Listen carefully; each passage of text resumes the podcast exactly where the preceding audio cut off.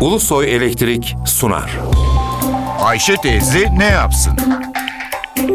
Güngör Uras, Ayşe teyze ekonomide olan biteni anlatıyor. Merhaba sayın dinleyenler, merhaba Ayşe Hanım teyze, merhaba Ali Rıza Bey amca. Küresel pazarlarda bol miktarda döviz var. Bu dövizlerin önemli bölümü ülkeler arasında geziyor dolanıyor. Kalıcı olarak bir yerde durmuyor. Hangi ülkede hangi yatırım daha fazla getiri sağlıyorsa o ülkeye yöneliyor. Ama kalıcı olarak değil de geçici olarak yöneliyor.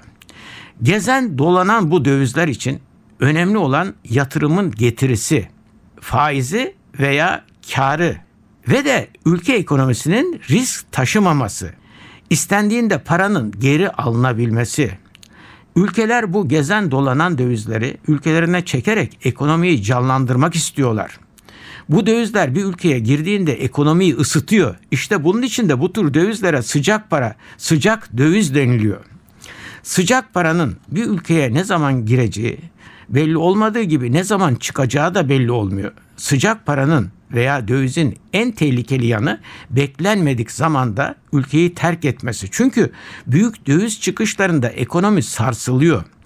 Türkiye'de sıcak para olarak tanımlanabilecek döviz miktarı 2014 yılı sonunda 131 milyar dolar. Bunun 62 milyar doları borsada hisse senetlerinde, 52 milyar doları hazine bonolarında, 17 milyar doları ise para piyasalarında.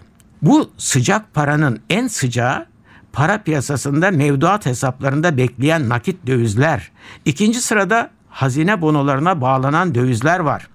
Borsadaki sıcak para ise istendiğince çıkması zaman alacak nitelikte bir sıcak para.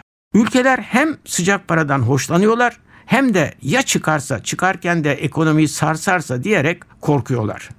Bu korkuda gerçek payı var. Bunun son örneğini Rusya'da gördük.